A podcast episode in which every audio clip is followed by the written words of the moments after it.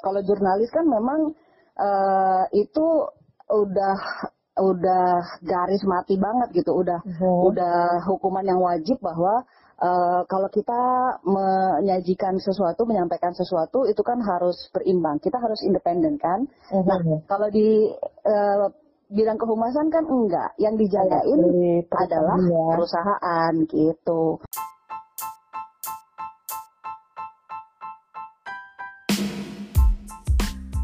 Assalamualaikum, selamat datang di BBC Bincang-Bincang seputar broadcasting dan komunikasi. Saya Hilda Rahmawati dan malam ini saya akan berbincang dengan seorang mantan penyiar televisi yang kini beralih profesi, Ani Rahmi.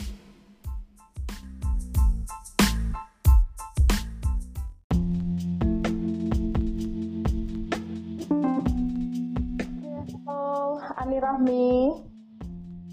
Halo Bun, apa kabar? Alhamdulillah baik, baik banget. Lama ya kita nggak ketemu nih Ani Rahmi. Dulu kita satu kantor di Kedoya. Temen kuliah bareng kita ngambil magister uh, magister manajemen komunikasi. Dan ternyata sekarang Ani Rahmi ini kalau penonton Metro TV uh, eh, udah bakalan nggak nemuin Ani Rahmi di layar deh gitu. Karena ganti profesi nah kenapa tuh? Kenapa sih PR ya Forkom atau PR Corporate Communication jabatannya sih tertulis di situ Iya, kenapa kenapa bosan jadi penyiar TV kan? Katanya wow jadi penyiar TV itu dikenal orang sedunia sejagat terus uh, ya kenapa? Banyak orang yang bercita-cita ingin menjadi penyiar televisi dan saat sudah di Amir Rahmi ini udah termasuk penyiar yang uh, handal uh, tiba-tiba me, apa lenyap dari layar kaca. ya Allah lenyap gue. uh, sebenarnya sih uh, gue lebih melihat diri gue tuh sebagai jurnalis ya, profesi yang uh-huh. sudah ditekuni selama uh, 16 tahun dari tahun 2003 dulu pertama kali di Trans TV. Siaran itu hanya sebagai ya bonus aja kali ya. Uh-huh. Jadi meskipun sekarang sudah uh, switch career gitu, cuma nggak tahu ya, gue tuh masih ngerasa kayak jurnalis at heart gitu loh, masih. Ah, jadi kalau di mendarah iya, daging, iya, iya karena udah hmm. lama juga kali ya. Mm-hmm. Kalau lagi work from home nih di rumah kayak sekarang uh, mm-hmm. sambil kerja gitu. Uh, 9 to 5 yang gue tonton adalah TV berita uh-huh. gitu jadi biar tetap inform gitu. Terus kalau misalnya lagi di kantor ya sambil kerja gue carinya streaming TV-TV berita atau kalau misalnya tiba-tiba lagi uh, iklan gitu iklan yang panjang ya yang setengah jam atau yang satu jam. Baru beralih ke radio. Uh, jadi nggak bisa kerja dalam suasana yang tenang sepi gitu tuh nggak bisa. Aku pasti selalu mencari apalah suara gitu dengar di Spotify lah atau apa uh, gitu. Dan ya, kenapa? memang, uh, uh, uh, uh, kenapa switch? Uh, kayaknya dalam hidup gue tuh ya bun uh, kayak banyak banget tangan Tuhan gitu. Jadi satu hal yang uh, out of the blue yang benar-benar tidak gue rencanakan sebelumnya tapi tiba-tiba datang dan gue melihat itu sebagai sebuah kesempatan yang uh, sayang aja kalau dilewatkan. Termasuk juga profesi ini gitu. Sebenarnya tuh gue lagi asik-asik di, di Metro TV jadi ya makanya lagi kuliah juga. Lagi kuliah juga kita baru mulai tes kan? Oh, iya. Tesis bolak balik bolak balik bab satu terus mau masuk ke pengumpulan data lagi di fase nanggung gitu. LinkedIn juga belum gue update gitu kan? Jadi masih lagi enjoy enjoynya terus tiba-tiba ada tawaran datang. Dan saya uh, dilepas. Oh, uh, dan oh kok ini inline ya sama uh, kuliah gue ketika itu kan ya ketika mm-hmm. kuliah bareng. Mm-hmm. ya masih sama-sama komunikasi lah antara uh, jurnalistik dengan uh, kehumasan gitu kan. Kebetulan posisinya di corporate communications.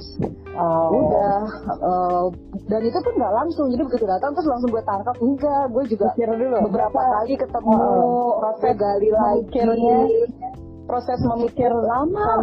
cukup lama berapa cukup bulan lama. jadi ke, ketemu sama orang yang menawarkannya itu aja sampai dua atau tiga kali gitu. Padahal itu orang nomor satu loh di perusahaan di grup terus terus uh, setelah itu pun uh, gue butuh waktu minta waktu tiga bulan untuk bisa bergabung. Jadi nggak bisa nggak bisa cepet nggak bisa langsung keluarin one man notice segala macem.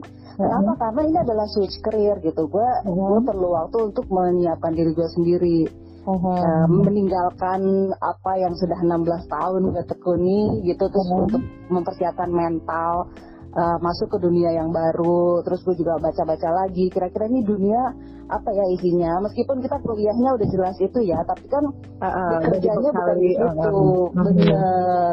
Um, apa aja tips and triknya apa sih uh, ups and down di dalamnya gitu. Gue juga ngobrol sama teman-teman yang sudah lebih dulu bergerak di bidang kehumasan gitu. Uh, ada yang uh, di bank ada yang konsultan gitu. Mm-hmm. kayak apa sih ini bidang kehumasan, khususnya mining pula kan, gue sekarang di mining. Nah, gitu deh.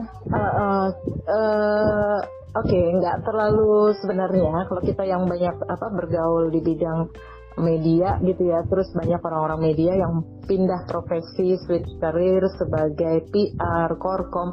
Itu mungkin nggak terlalu aneh ya karena memang banyak juga yang seperti itu.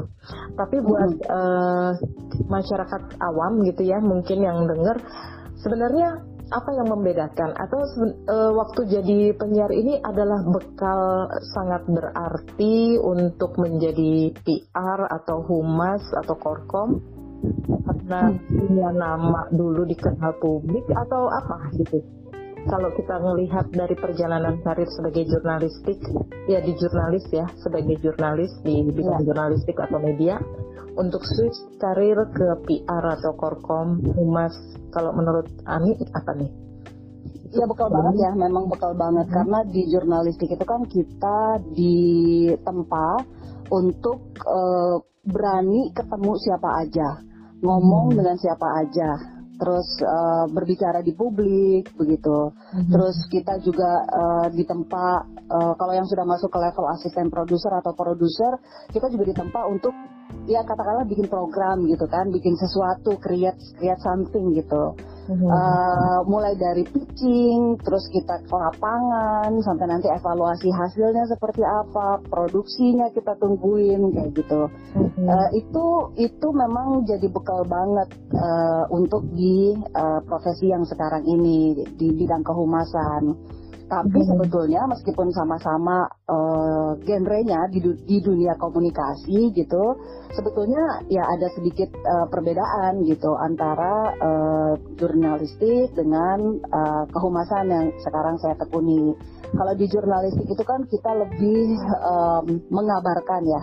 Uh -huh. Ada sesuatu kita kita kabarkan kita uh, kemas secara seimbang, uh, tajam gitu kan, mhm. aktual gitu, untuk mendapatkan kepercayaan publik, agar publik tahu tentang sesuatu, agar publik dapat pemahaman yang lebih jelas, lebih terang tentang satu hal yang baru misalnya kayak COVID-19 ini gitu, hmm. atau hal-hal yang lain lebih ke situ. Nah, kalau corporate communications itu lebih kalau di posisi saya ya, itu hmm. lebih ke ngejagain perusahaan gitu.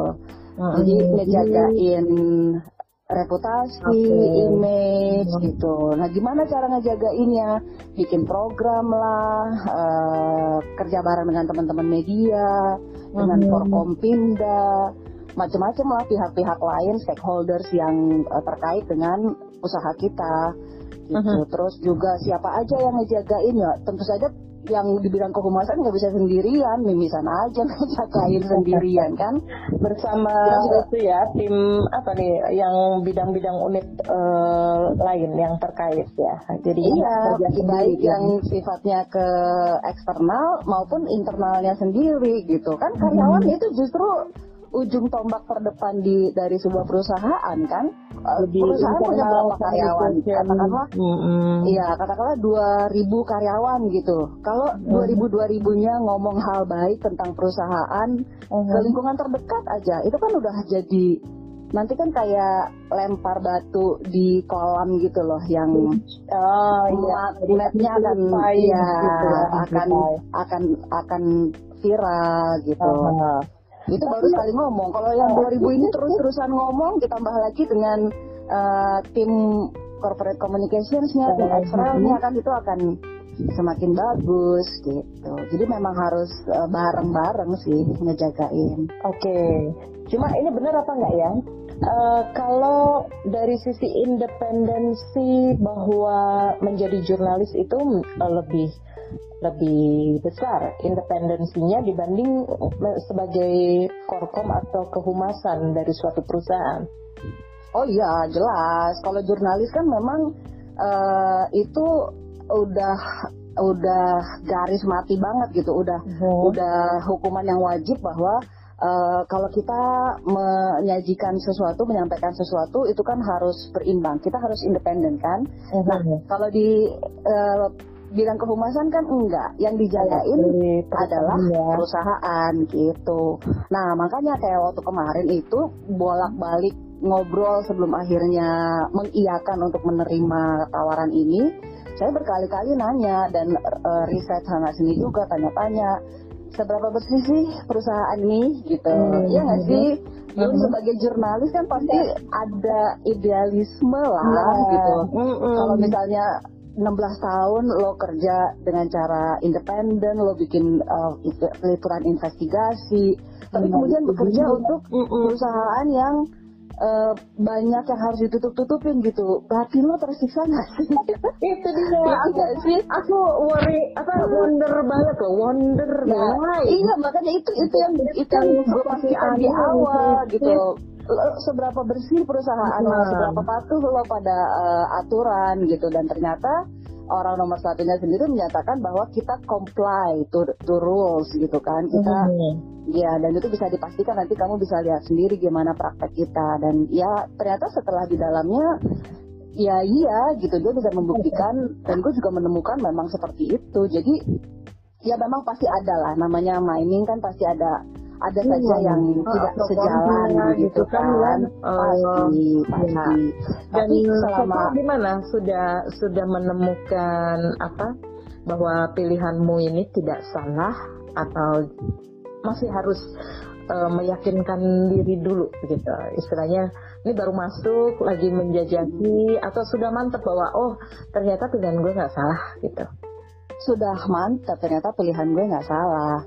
Jadi waktu gue masuk itu kan mm-hmm. Oktober 2019. Yes. Di minggu pertama kan orientasi dulu lah ya, kenalan segala macem. Terus gue ketemu dengan para direksi, gue menyerap harapan harapan bapak, harapan ibu terhadap posisi uh, corporate communications ini apa? Karena ini posisi baru baru hmm. di perusahaan gue tuh tadinya uh, belum ada gitu ketika gue masuk baru diadakan hmm. jadi gue menyerap dulu nih mau apa mau apa mau apa nah di minggu kedua itu gue udah langsung minta ke site gue mau hmm. lihat kayak apa sih praktek uh, mining dan terpadu dengan uh, smelternya tuh seperti apa ini bahan apa sih gue pernah ke pabrik-pabrik uh, yang lain tapi kalau untuk uh, nikel belum pernah gitu.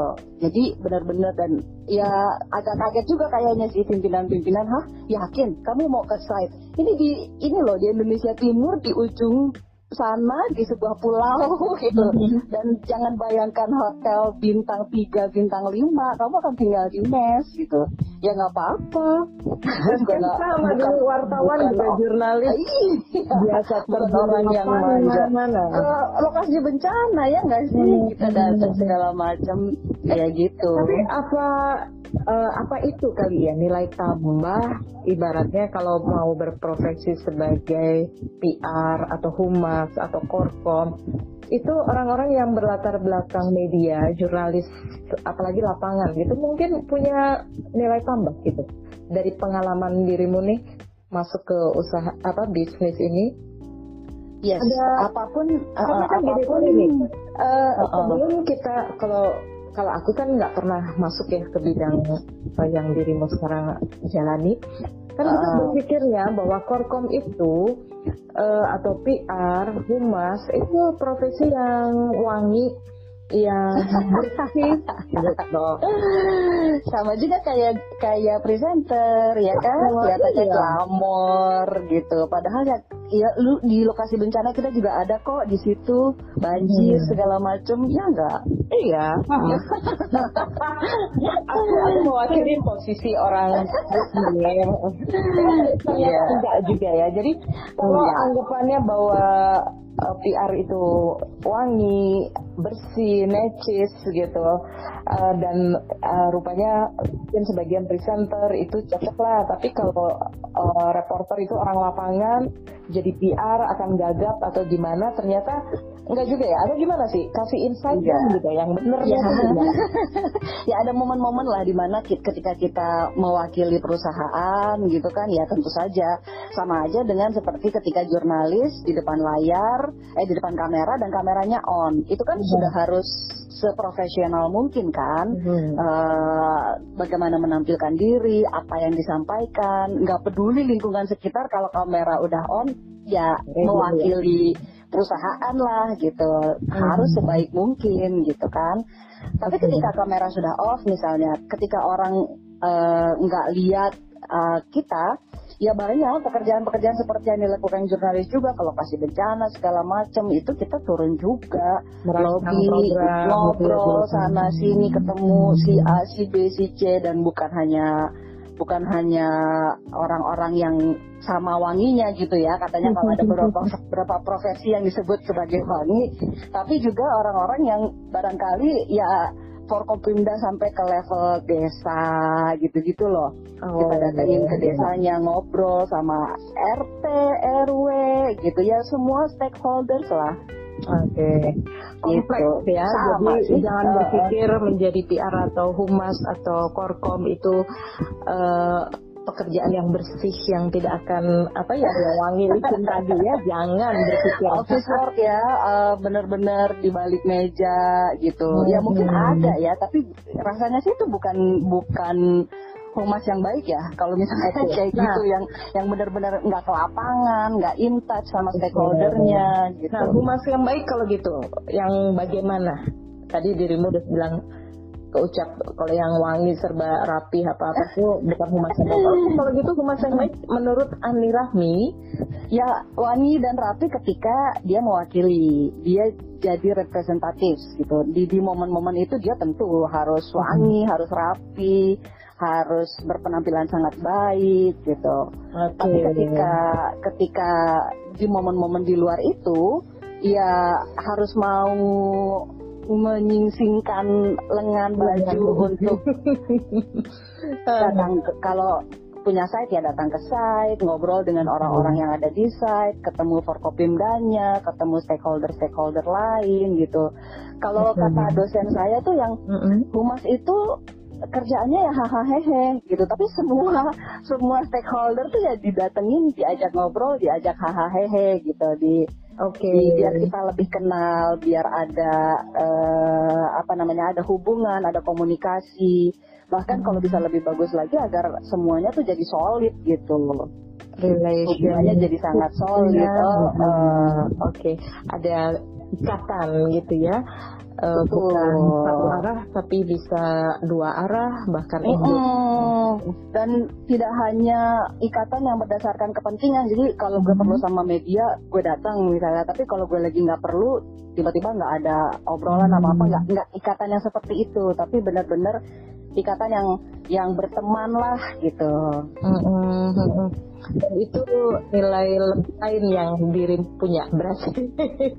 ya, ya. Uh, saran berarti kalau orang mau berkarir nih ya, mau berkarir di profesi yang sekarang Ani jalani sebagai di dunia kehumasan atau PR, kalau orang yang baru lulus kuliah uh, langsung masuk ke situ, kira-kira bisa apa enggak atau dia harus better mencoba yang lain dulu yang bisa berhubungan dengan masyarakat atau publik secara luas baru masuk ke dunia PR atau gimana karena kan ya memang e, buat orang yang udah pernah belajar kayak kita ya bekali ilmu kan ada dari skill apa dulu tuh teknis tapi ada udah kalau Andi kan udah levelnya manajerial ya Hmm, Alhamdulillah. Hmm.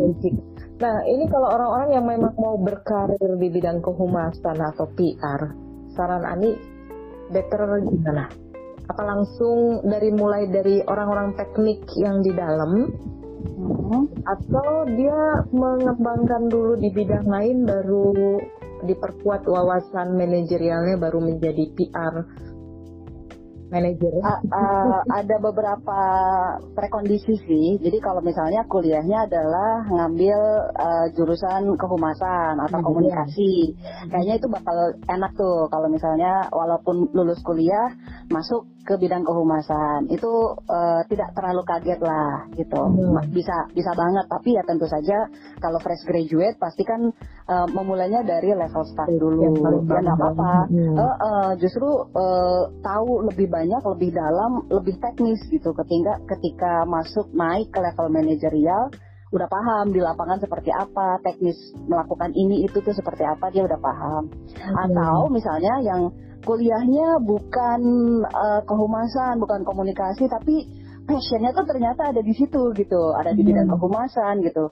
Bisa dengan catatan uh, ada mentor yang bantu gitu. Jadi ada atasan yang uh, bisa ngebantu nggak untuk melaksanakan tugas-tugas uh, kesehariannya, hmm. biar nggak gagap banget Mm-hmm. Kalau misalnya ada mentor kan ada yang coaching, ada yang uh, kasih guidance. Jadi kamu begini, begini, begini gitu. Tapi apa pun mm-hmm. latar belakang pendidikannya, kalau menurut saya sih uh, tidak ada ilmu yang yang sia-sia. Pasti semuanya akan kepake.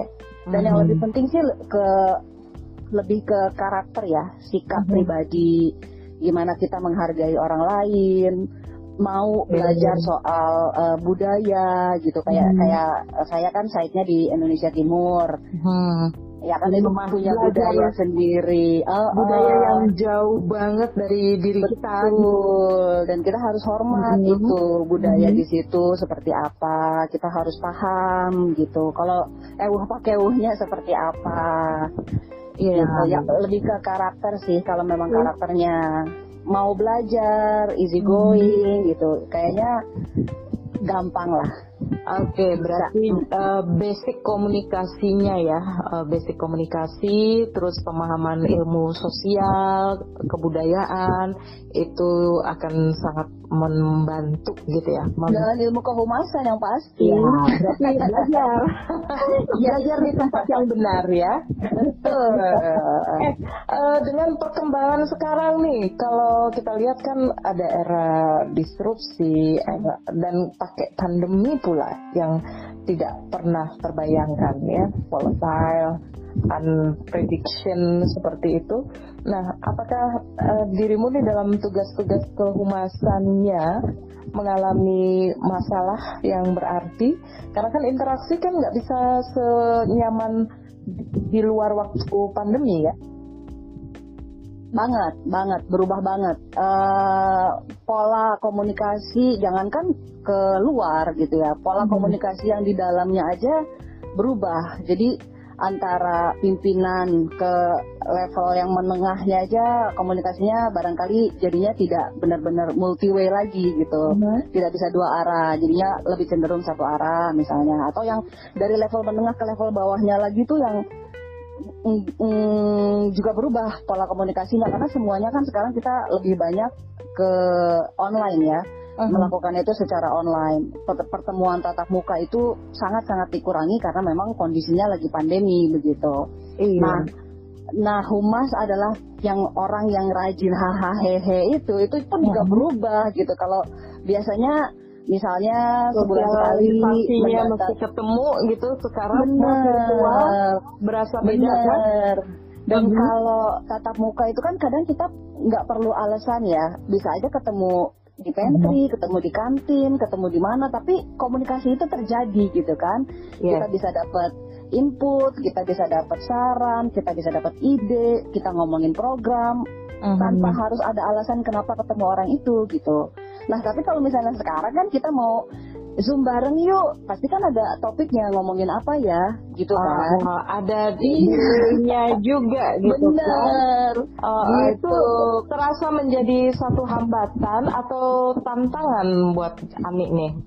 tantangan karena kan eh, namanya tugas tetap harus dilaksanakan. Namanya fungsi ngejagain reputasi, image, nama baik perusahaan itu kan tetap kan beban itu tetap ada, tetap harus dilaksanakan. Tapi sekarang banyak hambatan. Nah, gimana caranya gitu?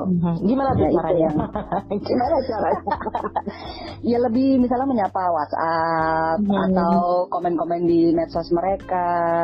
Eh, atau ya ada juga pertemuan tatap muka yang dilakukan tapi tidak seintens dulu gitu. Misalnya kalau dulu sebulan sekali, sekarang ya dua atau tiga bulan sekali ya ketemu tapi ya gitu dengan protokol kesehatan ketat tapi setidaknya ada berusaha Oke. me- menyerap lah menyerap aspirasi terus kita juga menyampaikan program-program perusahaan atau key messages yang ingin kita sampaikan dan semacam itu. Oke, berarti memang banyak perubahan dan Mm-mm. uh, buat orang-orang PR atau kehumasan ini mau nggak mau harus ya harus dilakukan perubahan ini ya. Nih, banget harus Mhm. banget beradaptasi. adaptasinya harus segera. Kalau enggak uh, dampaknya ya udah bingung ya. Nggak perform, Oh, jadi nggak perform eh. Apalagi ya sekarang, uh, nah aku mau tanya nih dengan kondisi pandemi yang tidak bisa apa-apa enggak, padahal harus tetap fast respon ya, fast respon. Di kesempatan pertama seorang PR kalau ada masalah, kamu kan juga harus segera nih. Uh, dengan uh, era saat ini nih yang digital tapi di tengah pandemi ini ada lag-lagnya gitu nggak? Atau gimana nih men- menyiasatinya?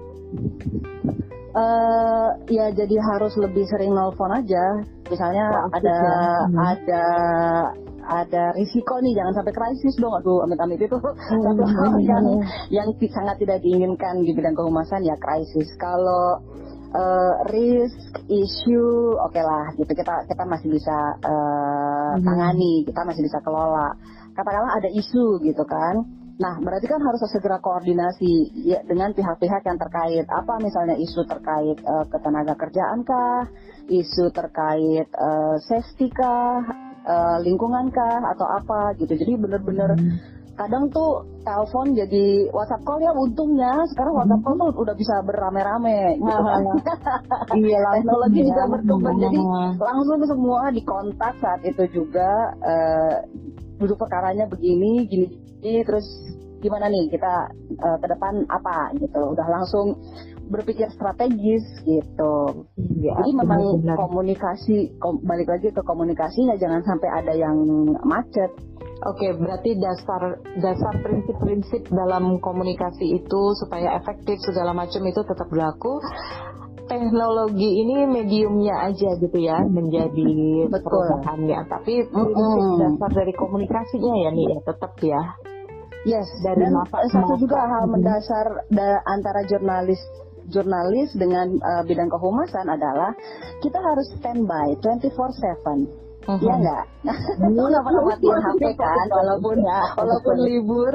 Nah, ternyata Ah, ternyata oke. pun gitu demikian adanya. itu apa eh, bekal lain yang dimiliki ya bagusnya Iya. kalau karena udah terbiasa. Orang yang belum terbiasa pasti Oh. kaget. Ini kan gue lagi libur, gue lagi cuti. Oh, gitu. ya, padahal Eh, kalau ada krisis sih nggak boleh ingat nggak gitu bisa, nggak bisa ya. seperti itu Marimar. yes, yes, yes. Menarik sekali deh kayaknya menekuni profesi barunya ini dan ya, itu dilakukan dengan menikmati. Apa namanya ya? Karena memang dirimu bukan setengah hati tapi memang udah banget banget um, menyukai dan dibekali ilmu. Jadinya kayaknya waduh asik banget ya lari, pengennya lari gitu ya nih ya. Iya. ya, tapi kan lagi-lagi ya kalau PR itu kan seberapa seberapa besar fungsinya.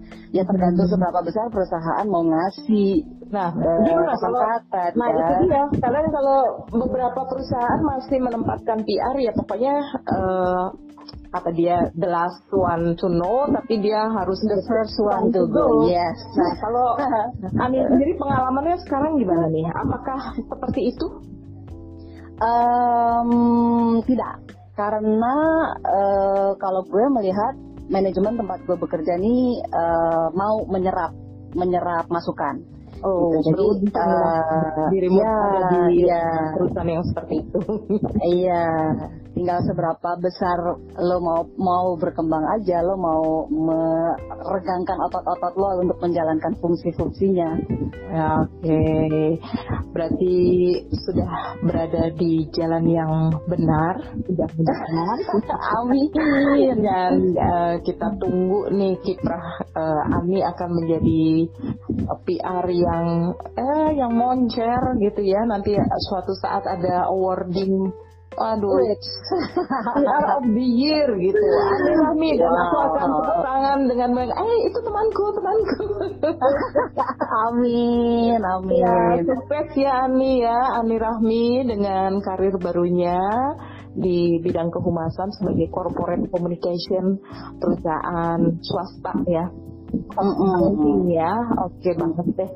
Semoga sukses nih jaga kesehatan Ya, terima kasih Bunda Hilda. Sukses juga untuk dunia jurnalistiknya, karirnya di Metro TV dan podcast-podcastnya di seluruh podcast-podcast berikutnya. Terima kasih Ani. Demikian terima kasih. Sampai jumpa di BBC Bincang-bincang seputar broadcasting dan komunikasi. Saya Hilda Rahmawati. Bye-bye. Assalamualaikum.